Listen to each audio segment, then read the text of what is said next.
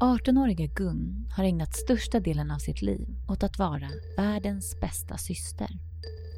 När hennes bror började med droger ville hon först vara till lags och trodde på hans lögner. Till en början tyckte hon dessutom att det var lite häftigt. Han anförtrodde henne det mesta och hon tog honom på orden och berättade inte för någon om det som pågick. Efter ett tag eskalerade användandet och tyngre droger kom in i bilden. Guns magkänsla skrek att det var fel och en mental besatthet tog över henne.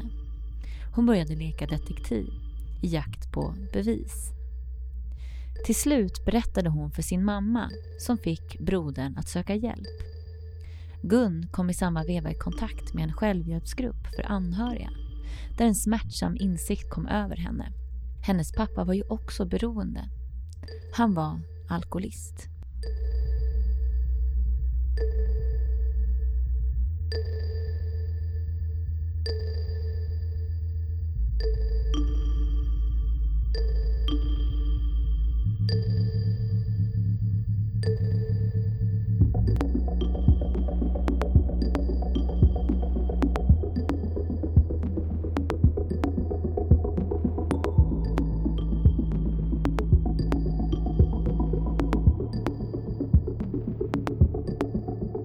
Välkommen Gun.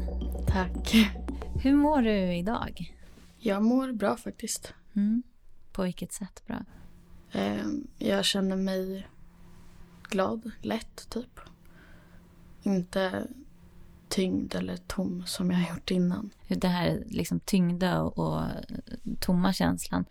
Hur, när har du känt det och, och liksom, kan du se något mönster i, i att du har mått så? Hur länge har du mått så? Och sådär? Jag tror typ att jag har mått så hela mitt liv. Mm. Sen har det ju blivit värre nu de senaste två, tre åren. I och med att min brorsa började knarka. Men jag har väl mått så varenda dag.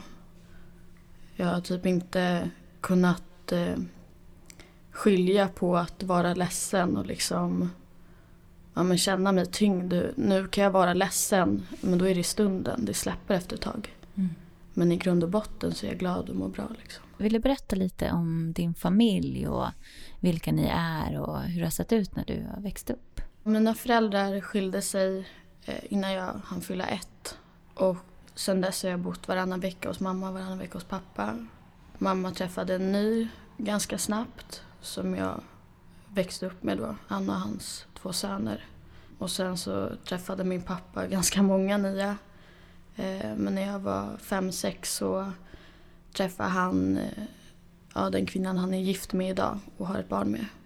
Ja, alltså jag vet inte, jag tycker att jag har växt upp alltså på väldigt tryggt Mm. i en liten förort liksom. Mina föräldrar bodde ja, men typ 500 meter ifrån varandra så att det är inte så att jag har varit så att jag behövt pendla jättemycket eller alltså de har alltid varit nära, alltid varit där.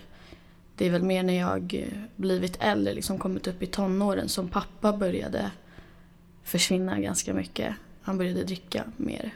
Och mamma, jag vet inte, jag har inte haft en jättebra relation med mamma när jag var yngre. Däremot var jag jättenära min låtsaspappa som också hade väldigt mycket problem med alkoholen.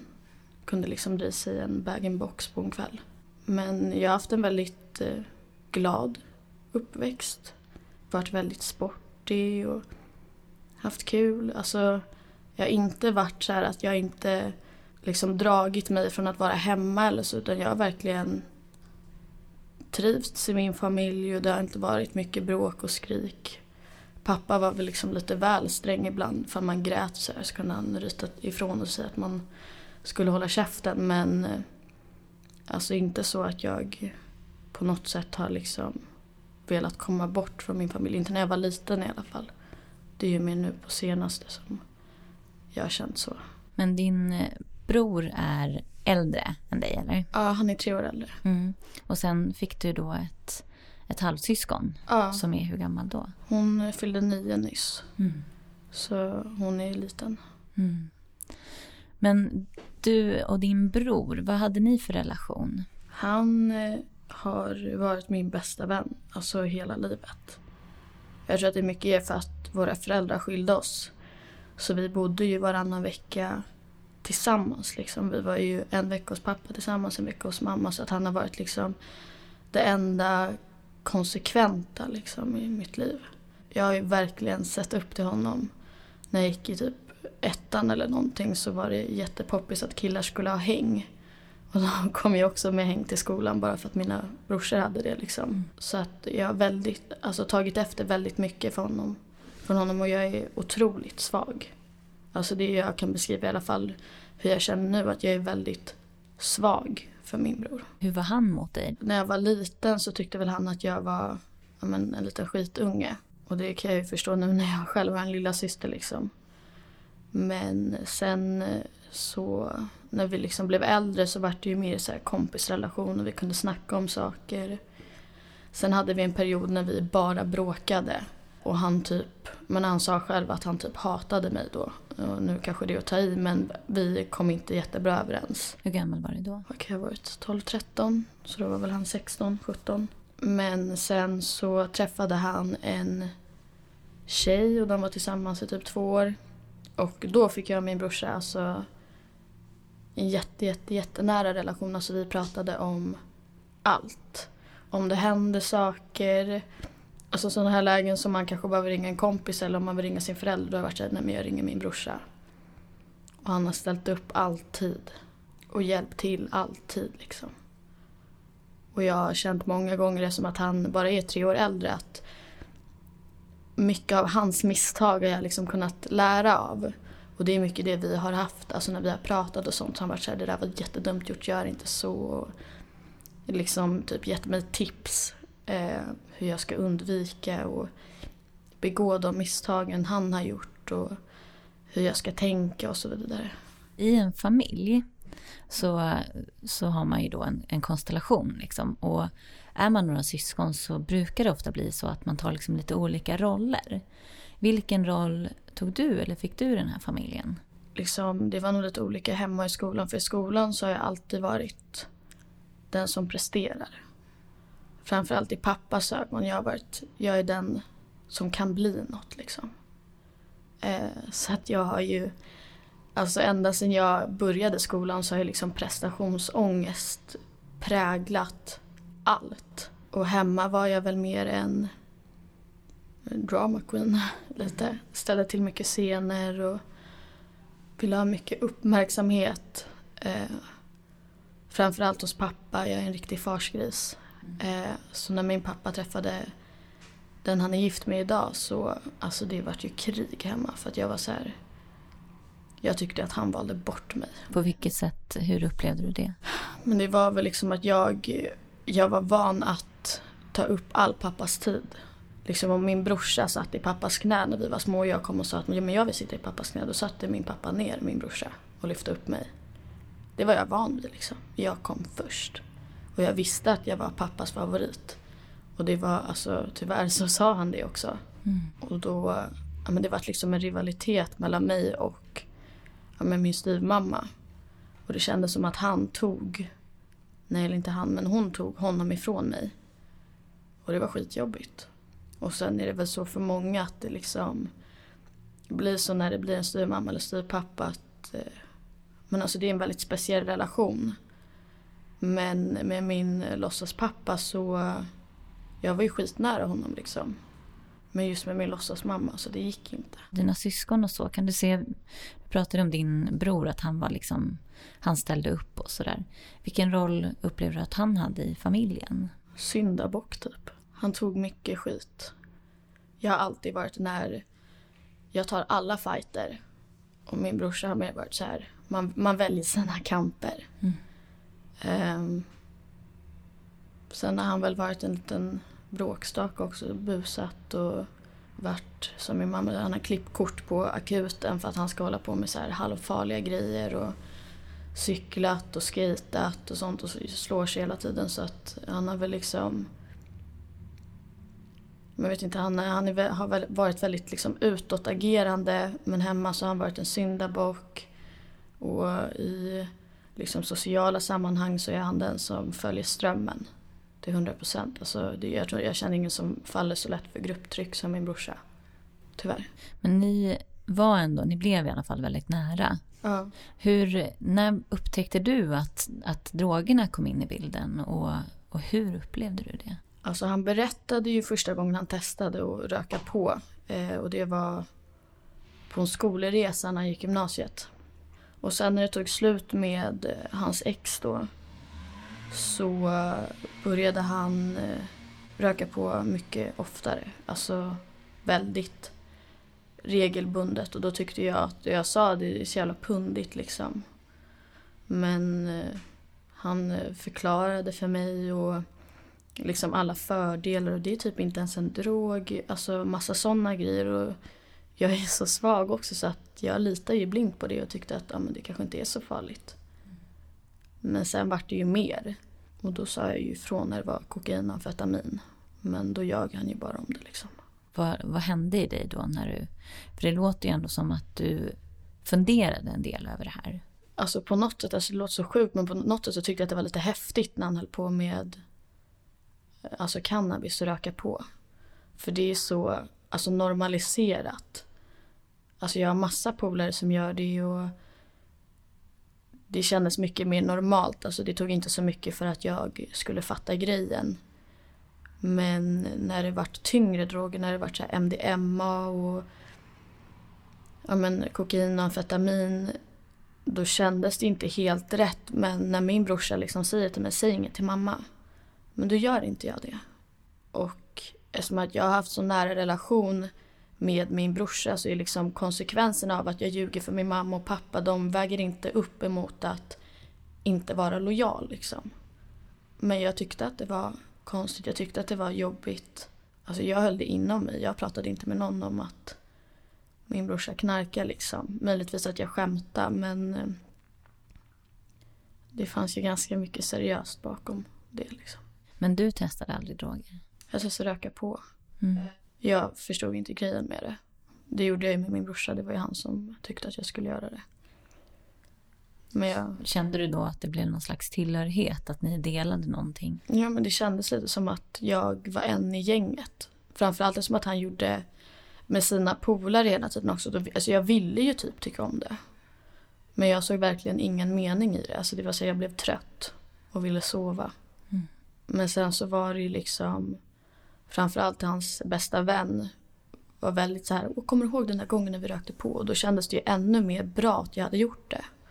Hur var du annars bland vänner och utåt och i skolan och sådär? Ja, alltså jag har väl varit en blandning men jag skulle väl nog beskriva mig själv som bitter. På vilket sätt då? Jag sa nej till det mesta, var inte så pratglad. Eh, På fester, jag var den som lämnade först. För att jag skulle städa upp efter brorsan. Jag, eh, alltså det här när folk skulle skämta om mig. Alltså det var ju fullaste allvar. Jag kunde inte ta ett skämt. Jag har fortfarande lite svårt med det men eh, det är verkligen, eh, nej men jag var bara en allmänt bitter människa. Visst, jag kunde ju skratta och ha kul men det var ju inget som varade länge. Hur var du när du var ensam då? Jag tänker om du var inne på ditt rum och så här. Hur, vem var du då? Hur kände du då? Jag kände mig tom. Mm, Alltså det mesta jag tänkte på när jag var ensam var bara att jag ville bort. Så jag har spenderat väldigt mycket och kollat serier framförallt. Eh, liksom fly in i någon annan värld. Kände mig ensam, kände mig lite utsatt typ. Som att det inte fanns någon annan som kände likadant eller som upplevde eller hade upplevt samma saker. Jag kunde inte se någon i min närhet som hade samma problematik. Och det var så jävla jobbigt också för jag är så stolt över min brorsa. Har alltid varit det. Och det vet alla liksom som jag umgås med. Alla som känner mig vet liksom att min största stolthet har varit min brorsa och då men jag skämdes så jävla mycket också. Så att jag höll ju allt inom mig så att, jag vet inte, jag kände mig tom. Och samtidigt överfull liksom. Skillnaden på vem du var utåt och den du var eh, själv.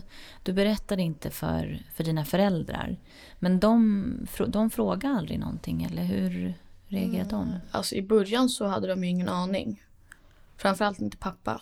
Eh, mamma kom väl på han någon gång när hon hade hittat eh, fimpar men alltså från joints. Eh, men då hade min brorsa bara sagt att eh, men han testade bara och så var det inte något mer med det. Men eh, sen när det liksom blev mer och mer med min brorsa så började ju mamma fråga och vara så här, men jag tycker att det är någonting konstigt liksom.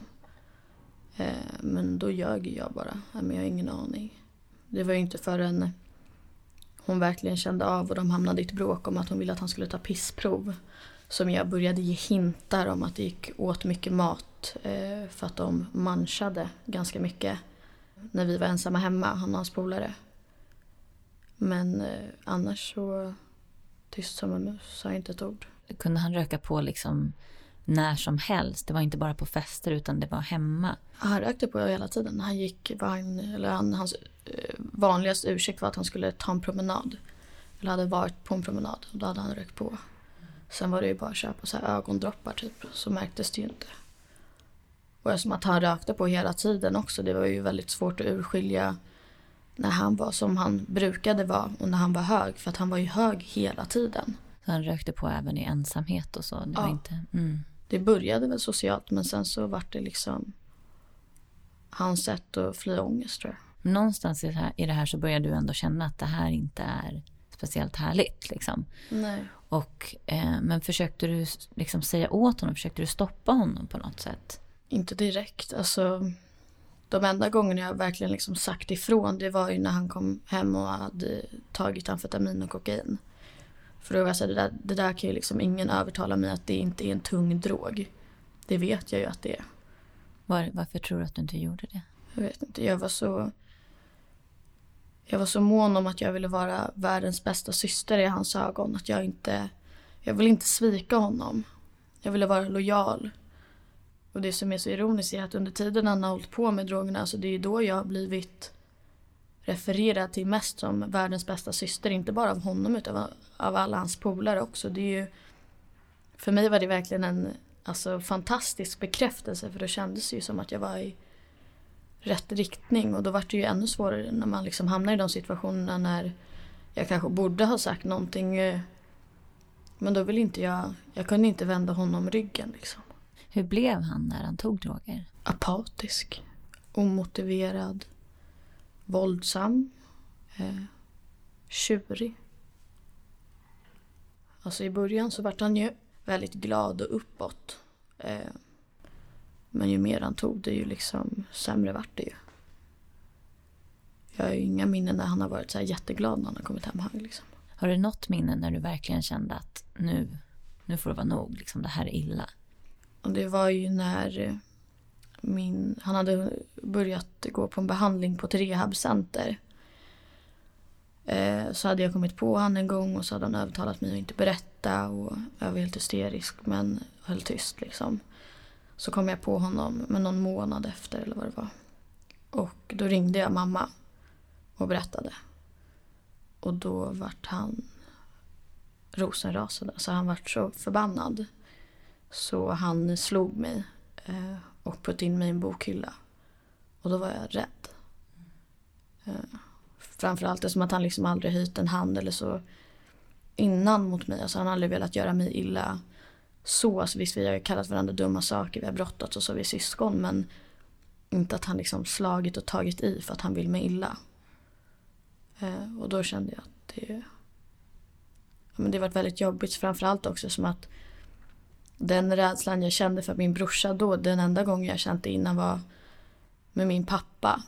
Och då kändes det liksom ännu jobbigare. Att jag skulle behöva vara så rädd för honom som jag var för min pappa när han blev arg. Hur var din pappa när han blev arg? Han eh, blir otroligt läskig. Jag har aldrig varit rädd att han ska slå mig men han blir men alltså oerhört obehaglig liksom på något sätt psykisk terror. Alltså han säger så elaka saker. Tänker sig inte för. Oftast är han ju bara arg när han är full. Så sannolikheten att man får en ursäkt också är minimal. Din, eh, du sa då att din bror var på rehab. Ja. Så någonstans måste det ju ha kommit ut då att det här var ett problem. Ja. Hur gick det till? Det var morgon när min mamma och brorsa bråkade. Mamma ville att han skulle ta pissprov. Det var den gången när jag började ge hintar om att det gick åt mycket mat. Um, så åkte min brorsa till jobbet och sen så smsade han mamma och sa liksom att men jag har ett problem, snälla var inte arg. Uh, hjälp mig istället. Och då var ju mamma jätteförtvivlad. Alltså hon satt och grät. Uh, och hon var framförallt ledsen för att hon inte hade råd att skicka honom till ett behandlingshem. Min brorsa var ju myndig då, han var 20 tror jag. Kostade för mycket pengar så det hade inte min mamma råd med. Men så hittade hon det här rehabcentret som var liksom dagstid. Då började han gå där. Tog pissprov en gång i veckan och gick till psykologer och fick veta att han förmodligen har ADHD. Och att det liksom var en ganska stor förklaring till varför han gillade alltså amfetamin så mycket också. Ja, men det kändes som att allting var jättebra då. Eh, när jag hade kommit fram. Mamma vart ju inte arg, hon vart ju ledsen liksom. Pratade du och din mamma någonting då? Och mamma pratade jättemycket. När det kom fram så sa ju inte jag att jag hade vetat hela tiden men min brorsa berättade det sen. Eh, och då kom vi överens, överens om att det inte skulle finnas eh, några lojaliteter när det kommer till droger. Men vi, på vilket sätt då? Men alltså om han skulle göra någonting som man måste få berätta. Men för mamma. Alltså ja, skvallra liksom. För att droger är ju inte bra. Eh, det finns ingen anledning till att man ska ljuga för att någon annan ska kunna droga. Men vi pratade jättemycket. Jag tror mamma höll igen ganska mycket dock på hur hon kände och mådde. Men det var väldigt mycket tårar. Tyckte du att det var skönt då att ni kunde prata om det? Typ inte. Nej. Eh, jag var ju fortfarande, alltså när det kommit fram så var jag ju fortfarande fast i att jag skulle skydda honom och att jag skulle ta hand om honom och liksom det gör ingenting om det går fel, det är ingen som får veta det. Liksom, jag skvallrar inte, jag, jag ljuger för din skull. Och jag tyckte ju, alltså även fast allting hemma kanske kändes harmoniskt så var ju allt i mig fortfarande kaos. Jag mådde inte alls bra. Det gjorde väl saken jobbigare också att det kändes som att nu borde jag ju må bra. När min bror sköter sig och går på behandling. Och, men eh, det var liksom nästan jobbigare för att då var jag så inne på att jag skulle hålla koll på honom. Liksom om han tar återfall då måste jag veta det. Och skulle snoka och ha mig. Hur gjorde du det när du snokade? Men det är väl mest på internet och sen har jag ju jag har haft en eh, del kontakt med hans polare. Framförallt hans eh, bästa vän. Som vi har snackat väldigt mycket. Så att du har väl fiskat fram så eller så har jag liksom pushat eller gått in i hans rum. Jag brukade städa hans rum när han bodde hemma ganska ofta. Eh, också sån här gest att jag ville vara världens bästa syster. Mm. Eh, men då var det liksom lite detektivarbete i det också. Att jag skulle leta i liksom vrån och hörn och kolla om jag hittade någonting. Och hur kände du om du hittade någonting? Vad, vad fick du för känsla i kroppen då? Alltså det kändes ju som att allt rasade. Så var det ju när han tog återfall också. Alltså då bara föll allting. Eh, för det var ju så, alltså allt, allt mitt kretsade kring honom. Han var min värld. Eh, så när någonting fel skedde, liksom när hans värld slutade snurra, då slutade ju min också. Någonstans i det här då, tänker jag, när han började ta tag i, ditt, eller i sitt och du fortfarande mådde dåligt.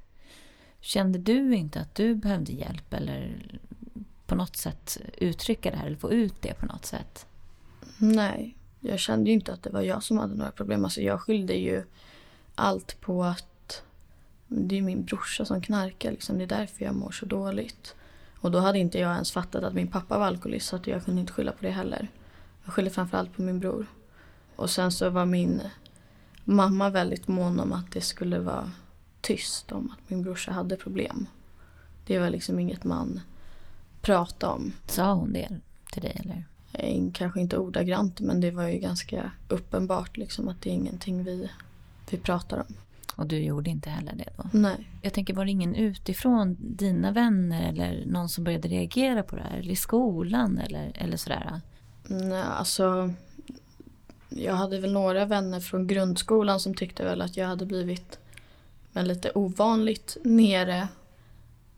Men eh, jag hade ju precis börjat gymnasiet också när det här hände så att de visste ju inte hur jag var egentligen. Eh, de hade ju bara sett men bistra och eh, dystra. Så de visste ju inte att det var något konstigt. De trodde ju bara att det var så jag var. I den situationen så där, är, där har ju du mått dåligt och de har inte varit med dig. Men kunde du sköta skolan och hur, hur fungerade allt, alla sådana saker? Skolan gick ju skit. Och det gjorde ju allting tusen gånger värre också, som att jag varit den som presterar. Jag fick mitt första F. Aldrig fått ett så dåligt betyg. Jag kunde inte fokusera. Jag eh, kunde inte plugga. Och när jag väl pluggade så kändes det liksom som att det det spelar ingen roll hur mycket jag anstränger mig för det kommer liksom inte ut, det kommer inte fram någonting ändå. Jag kunde liksom sitta i flera timmar och plugga matte som var det jag hade mest svårt med och det hände ingenting och då var det ganska lätt att bara ge upp också för att jag fattar ju inte. Alltså hur länge pågick det här?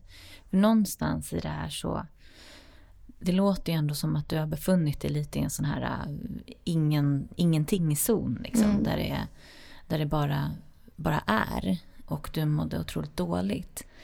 Din mamma, hon förstår jag var väldigt upptagen med då kanske att hålla koll på, på din bror också. Ja. Men tittade hon eller din pappa eller frågade de dig någonting hur du mådde? Nej. Eh, inte alls. Det enda min mamma gjorde var väl att klaga på att jag kollade för mycket serier och att jag jobbade för mycket. För jag var barnflicka fem dagar i veckan. Um, sen minns jag en gång för att jag, jag gillar att skriva, eh, dikter framförallt. Så hade jag skrivit en dikt eh, om att jag kände mig bortglömd. Typ. Lite utlämnad, att ingen såg mig för att mina problem vägde inte lika tungt som min brorsas. Så hittade min mamma den eh, och tyckte att det var fjant. Liksom. Men hon var liksom så här, men så här är det inte. Eh, och nu, nu kan jag väl känna om någonting sånt händer. Det är ju ingen som kan ta ifrån mig mina känslor eller hur jag upplever saker. Men då var det liksom ganska lätt för om någon sa till mig att men det är inte så. Ja, men då är det inte så. Jag har säkert fel, det brukar jag Det var liksom så jag tänkte. Men hur funkade då dina liksom kompisrelationer och det låter ju som att du var isolerad. Var du ute? Umgicks du med några människor? Hade du några killar eller hur, hur var det? Killar var ju ingenting som varade så länge. Det var ju bara för att jag ville ha lite bekräftelse och sen så kände man sig äcklig och fick ångest och kompisar jag träffade väl kompisar men det var väl inte riktigt så att jag njöt jättemycket av det. Och jag var ute och festade och hade mig men jag lämnade alltid tidigast. Jag drack nästan aldrig. Inte för att det är det viktiga att festa men alla andra gjorde det. Men jag var ju så mån om att jag måste komma hem i tid. Jag måste städa upp efter min brorsa om han har varit hemma och röjt. Det värsta var liksom om jag var ute eh, och festade på en lördag. För mamma brukade komma hem söndagar. För hon var bortrest. Eh, så då var jag tvungen att glida hem jättetidigt. Och diska och plocka undan. Men den här situationen, eh, det låter ju inte som att det blev någon jättestor förändring när han började gå på det här rehabcentret. Ehm, men du mådde ju inte heller bättre. Nej. Hur, hur orkade du? Kunde du liksom ändå hitta någon... Många hittar ju såna här överlevnadsstrategier. Du sa att du skrev och sådär. Fanns det något annat som du som du på något sätt tydde det till för att, du pratade om serier till exempel. Var det någonting som du fick på något sätt lite ro av att, att vara i eller? Ja, alltså jag slutade skriva dikter och sånt och jag slutade sjunga, vilket jag gjort jättelänge. Eh, men serier, jag tyckte att det var så fantastiskt för att det finns ju så, alltså det finns så mycket serier för det första och sen så finns det ju men serier med jättemånga säsonger och jättemånga avsnitt och då blir det liksom väldigt lätt att måla upp en värld som man kan fly in i. Att, men alltså det blir så lätt att lämna det som egentligen är. Och det var ju det jag ville, jag ville ju bara bort. Den här situationen, din mamma reagerade i alla fall på att du tittade mycket på serier och så. Hur länge står man ut, tänker jag. Det här låter ju som att det inte håller i längden. Gjorde du någonting till slut för att ändå ta hjälp eller få hjälp? Eller var det någon till slut som, som började se det här? Ja, alltså min eh, brorsa där andra gången jag kom på honom efter att han gick eh, på det här rehabcentret så började han gå i ja, men, olika tolvstegsgemenskaper. Och och eh, den mannen som introducerade ja, men, min mamma och brorsa inför det sa till min mamma att men du och din dotter kanske ska testa på att gå liksom till en anhöriggrupp.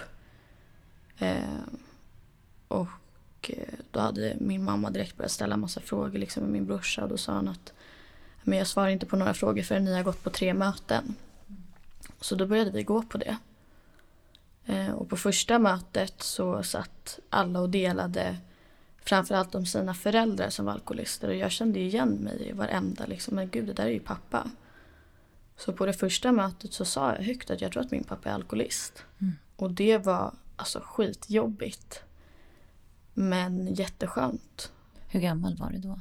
17. Jag tänker den, den känslan, vad var det för insikter du fick? Hur, eh, på vilket sätt var han alkoholist? Men, eh, men att han liksom drack för mycket. För min bild av en alkoholist har ju varit någon som super hela tiden 24-7. Mm. Men min pappa han jobbar ju och sköter sitt jobb. och eh, Alltså han dricker mycket på fritiden och på helger och så. Så jag har väl tyckt att det varit lite udda om min pappa knäppt en bira klockan sju på morgonen. Men jag har inte tänkt att det är någon alkoholist. Men sen när jag hör hur de beter sig och det här att man är van att men alltså tippa på tå kring och anpassa sig och det här att jag har varit rädd att väcka min pappa om han sover och fråga om saker, om jag behöver nya kläder eller någonting. Alltså allt det bara stämde in. Och då så fattade jag ju också att det finns ju inget det finns ju ingen mall för hur en alkoholist är eller hur en dricker.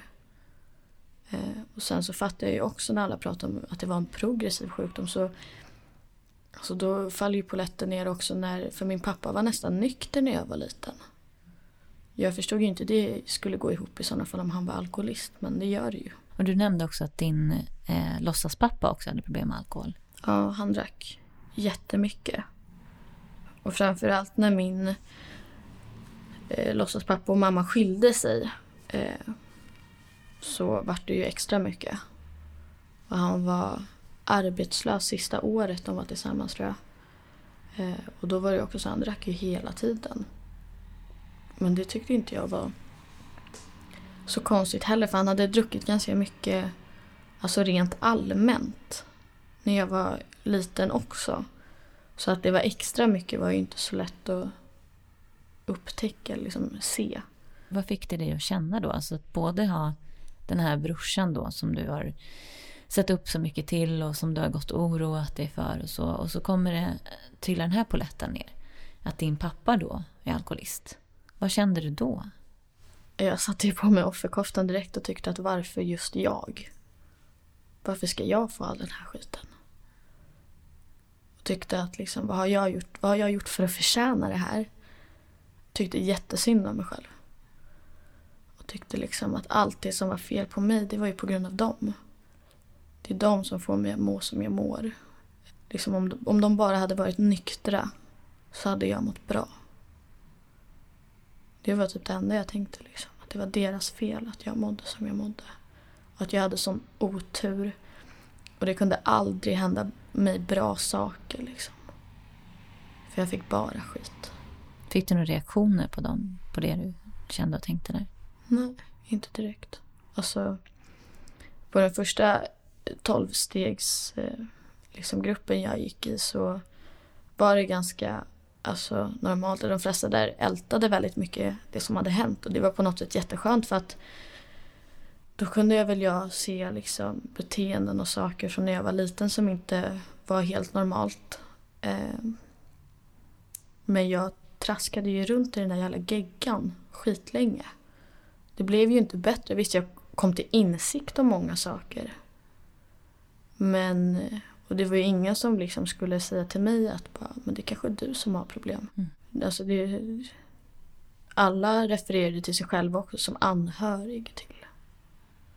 Jag hade ju aldrig sagt att men jag är medberoende till. När kom du i kontakt med ordet medberoende då? Det var med min mamma som är väldigt mån om att lyssna på ljudböcker så hade hon lyssnat på Djävulsdansen. Mm. Och tyckte att det lät som jag. Och då började jag googla lite. Och så vart jag jätteledsen. Mm. Att det stämde in så väl. Vad tänkte du då? Det var väl fort, offerkoftan satt ju ganska bra så att jag tänkte väl liksom varför blev jag så här? Vad har jag gjort för att förtjäna att bli så här? Eh, och var väl fortfarande inne att men det är min brorsas fel, han har utnyttjat mig. Han, han vet att jag är svag för honom. Men aldrig liksom att jag, alltså, att jag hade en, något ansvar eller någon del i hur jag mådde. Alltså det föll mig inte in. Det var ju andras fel liksom.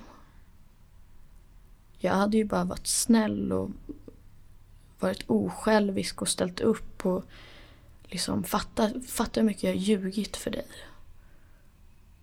Fatta vad jag har dolt, vad jag, liksom, hur jag har skyddat dig. Det var liksom det jag tänkte med min brorsa.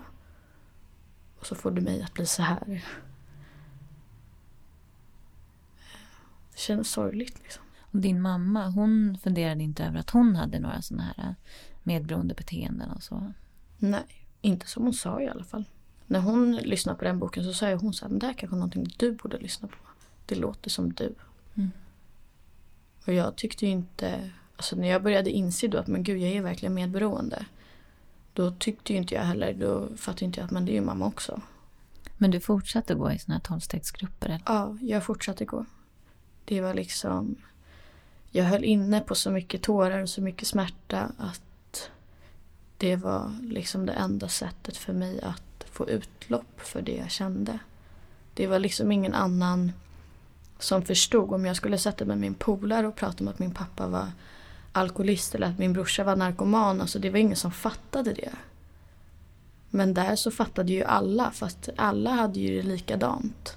Och det kändes ju inte jobbigt, jag kände mig inte uttittad för att alla är ju så inne i sina egna problem så att det finns ju ingen som kommer liksom se till eller döma mig efter mina problem eller skvallra om de känner igen mig för att alla är ju så inne i sitt.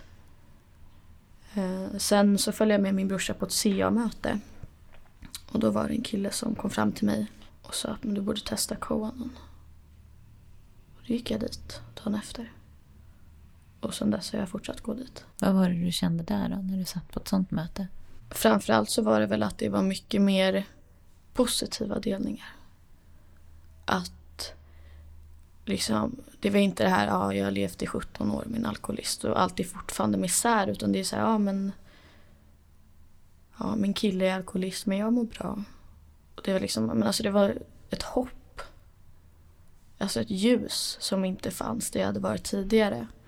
Och sen var det väl också att jag bara kände en mer allmän samhörighet. Som att jag, jag är ju bara 18 år och på de andra mötena jag hade gått på så var de ju flesta ja, men medelålders 40, 50. Och här var de mycket närmare mig i åldern. Då kände inte jag mig så liksom utsatt eller speciell utan jag kände att jag passade in mycket bättre. Att folk förstod mig mycket mer för att alltså det blir ju lite annorlunda situation när man är ung med allt runt omkring liksom med skola och det. Eh, det känns inte som att det, liksom, det var ingenting som jag hade gemensamt med någon annan på de tidigare mötena. Men det var väl framförallt hoppet att jag liksom på något sätt fick en liten tro om att det kunde bli bättre. Och vad gjorde du då? Jag fortsatte gå på möten i några månader och sen så bestämde jag mig att nej, men nu ska jag skaffa sponsor. För det var det alla sa, skaffa sponsor. Då frågade jag en kille, eh, men man ska inte ha en kille som sponsor. Så han omdirigerade mig till men den sponsorn jag har idag. Så började jag göra stegen och liksom bit för bit så började det hända saker. Jag började må bättre. Jag kände mig inte så dålig med själv. Jag har haft sjukt dålig självkänsla. Sen så började jag våga visa mig osminkad. Och det är, alltså, för många är det en så liten grej men för mig var det alltså jättestor grej. Och då var jag såhär, att det måste vara, det måste vara stegen. Det är det enda jag har gjort annorlunda. Men jag fortsatte med det. Jag började förlåta folk för jag insåg att förlåta någon är inte, jag gör ju inte för deras skull, jag gör för min skull. Alltså det hände så mycket fantastiska grejer så att jag Visst, jag tvivlade en del och det var lite svajigt med mitt stegarbete men jag fortsatte och jag är fruktansvärt glad att jag gjorde det. För annars hade jag inte fått må bra. Men vad hände med din bror under den här tiden? Blev han nykter eller vad? Ett tag blev han det. Tog lite återfall hit och dit men fortsatte gå i programmet. Och sen så kom det fram att han hade hoppat av. Slutat gå på möten helt. Han skyllde på att hans sponsor var för sträng. Så började han ta... Han började röka på igen. Men eh, ja, han började knarka liksom. Ta ketamin och andra tyngre saker. Men det som var konstigt var att jag brydde mig nästan inte längre. Han var sjuk. Han är sjuk. Men jag mådde bra ändå. Var det en lättnad för dig att förstå liksom att beroende var en sjukdom? Ja, det var det. Alltså... För många, om jag pratar om min bror, eh, framförallt min bror, så är det många som säger men det är ett val, man väljer att knarka. Och det är för sig sant. Men man väljer inte att vara sjuk. Och han måste vilja bli frisk för att kunna bli det. Och då känner jag så här att men det är inte mitt ansvar. Det är inte mitt ansvar om någon får cancer. Hur, hur, kan det, hur kan det vara mitt ansvar att den personen ska bli frisk? Det går ju inte. Det kan ju inte jag göra. Det är samma sak med min brorsa och med min pappa. Det, alltså det kommer aldrig vara mitt jobb. Aldrig någonsin. Så det är liksom ingen idé att jag ens tar på mig det ansvaret för det gör ingen skillnad. Och det känns hårt att säga men någonstans måste man ju dra gränsen att det här är faktiskt inte mitt problem, det här är ditt. Och då får jag utrymmet att må bra också. Reagerar han någonting på att du, ditt beteende började, att du började förändras helt enkelt? Inte till en början. Eller när jag började gå på möte och skaffa sponsor så var, jag, var min brorsa fortfarande i programmet och då var han väldigt glad för min skull och var ju helt inne på men det här är lösningen och det är så fantastiskt och så. Men sen när han började knarka igen så försvann han lite. Eh, han hade flyttat hemifrån och så då också så att det var inte så att vi träffade på varandra hemma. Det är väl mer nu som han märker att om han eh, liksom sitter och pratar om knark eller ska ursäkta sig om att det var bara en gång eller då kan jag säga liksom vem är det du försöker övertyga? Är det dig eller mig? Det skulle jag ju aldrig kunna säga innan. Och jag kan säga gränser om han kommer hem hög att du är inte välkommen hit någon mer. Och det är väl det jag tror att han märker mest, att jag är inte villig att ljuga för honom längre. Jag är inte villig att ställa upp när han håller på med skiten. När han vill sluta, när han vill ha hjälp så finns jag där mer än gärna och stöttar honom. Men inte annars. Jag kan inte finnas där annars. Då kommer jag gå ner och bli sjuk också. Det gör ju inte han någon nytta om vi är två som mår dåligt. Då är det bättre att en av oss mår bra. Men hur, din relation till din pappa då? För den insikten om att att han faktiskt också att han var alkoholist. Pra, kunde du prata med honom om någonting det? Nej, och det kommer jag aldrig göra heller. Alltså jag vet att min, min pappa kommer aldrig göra någonting åt det. Och han... Alltså han är så sjuk också på, alltså på många olika sätt men Alltså han skulle aldrig ge upp alkoholen. Han kommer aldrig vilja det. Och jag kommer inte må bättre av att försöka få honom att inse Ehm, jag får istället jobba kring det. För jag vill ju fortfarande ha en bra relation med min pappa. Jag vill inte sitta vid hans dödsbädd liksom och ha ångest över att jag inte hade någon relation med honom för att han var sjuk. Jag får... Alltså det är skitjobbigt framförallt med pappa då, som att han vet ju inte ens att han har problem. Men det är bara att kämpa på liksom jag får se förbi det. Jag slutar inte umgås med någon för att den är förkyld. Liksom.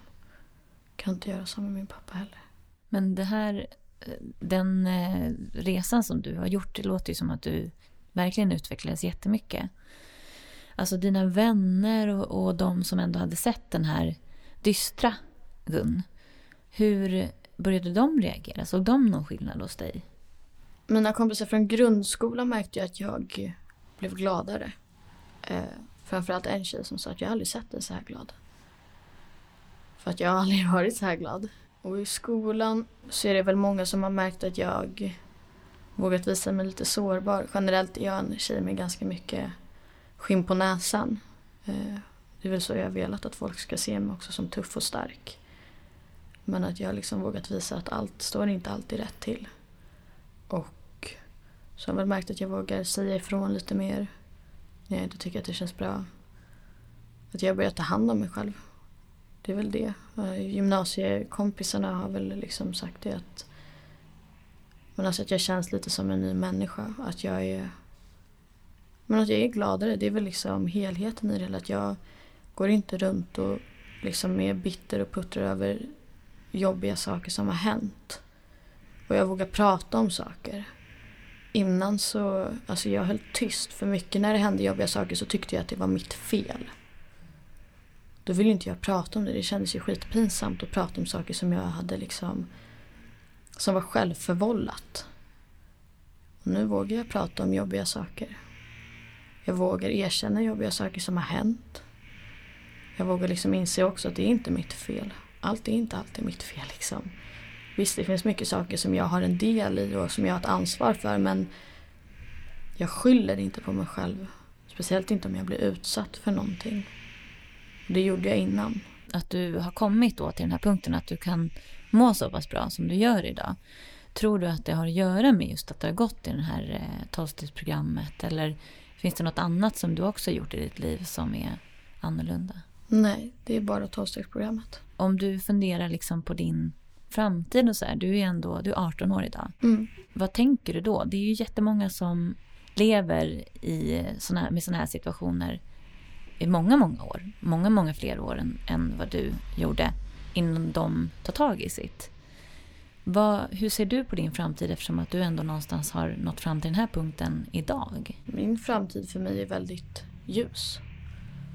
Framförallt eftersom att jag har sett min mamma i sitt medberoende som en spegelbild av mig. Så är jag så glad att jag kommer förmodligen att slippa liksom dra mig till sjuka killar. Jag känner att jag tror inte att jag kommer behöva jag kommer inte behöva vara tillsammans eller spendera mitt liv med en alkoholist eller narkoman. Att jag på något sätt kan undvika mycket saker nu. Att jag kan undvika att sätta mig själv i situationer där jag inte mår bra. Och nu är väl liksom mina...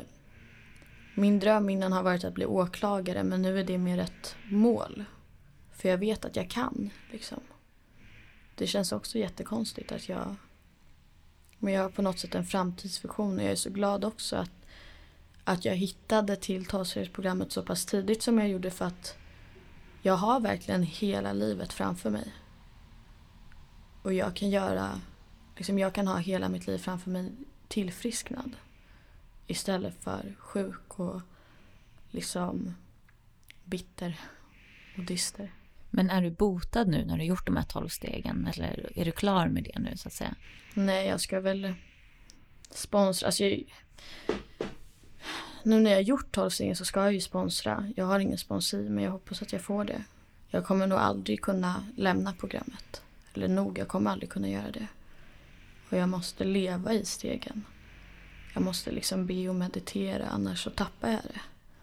Nu märker jag i och för sig också om jag tappar det och då får jag ju liksom ta igen lite. Men jag kommer inte kunna sluta gå på möten bara för att jag tycker att jag mår bra i stunden. För dagen jag slutar göra det så kommer alltså det kommer vara dagen jag slutar må bra i. Och går tillbaka till mitt sjuka. Men om någon nu känner igen sig, oavsett om det är någon som är, som är ung eller äldre. Har du några rekommendationer om man känner igen sig i din berättelse? Vad ska man göra? Jag tycker man ska ta sig till ett tolvstegsprogram, ta en sponsor och gör stegen. Det gör så mycket skillnad. Och att man inte liksom låter sig skrämmas för med begreppet Gud och högre makt. För allt som krävs för att det ska funka, alltså det är en gnutta tro och lite hopp. Så gör det det. Det kommer vara så värt Alltså gåvorna man får, alltså det är belöningarna. Det är ett väldigt lätt arbete om man jämför med vad man får ut. Då låter jag det bli sista ordet. Ja. Tusen tack Gun för att du var med. Tack. Tack. Känner du igen dig i Guns historia? Gå in på vår hemsida www.medberoendepodden.se Där kan du läsa mer om medberoende och var du kan vända dig för att få hjälp. För det finns hjälp att få. Följ oss i sociala medier. Där heter vi också Medberoendepodden.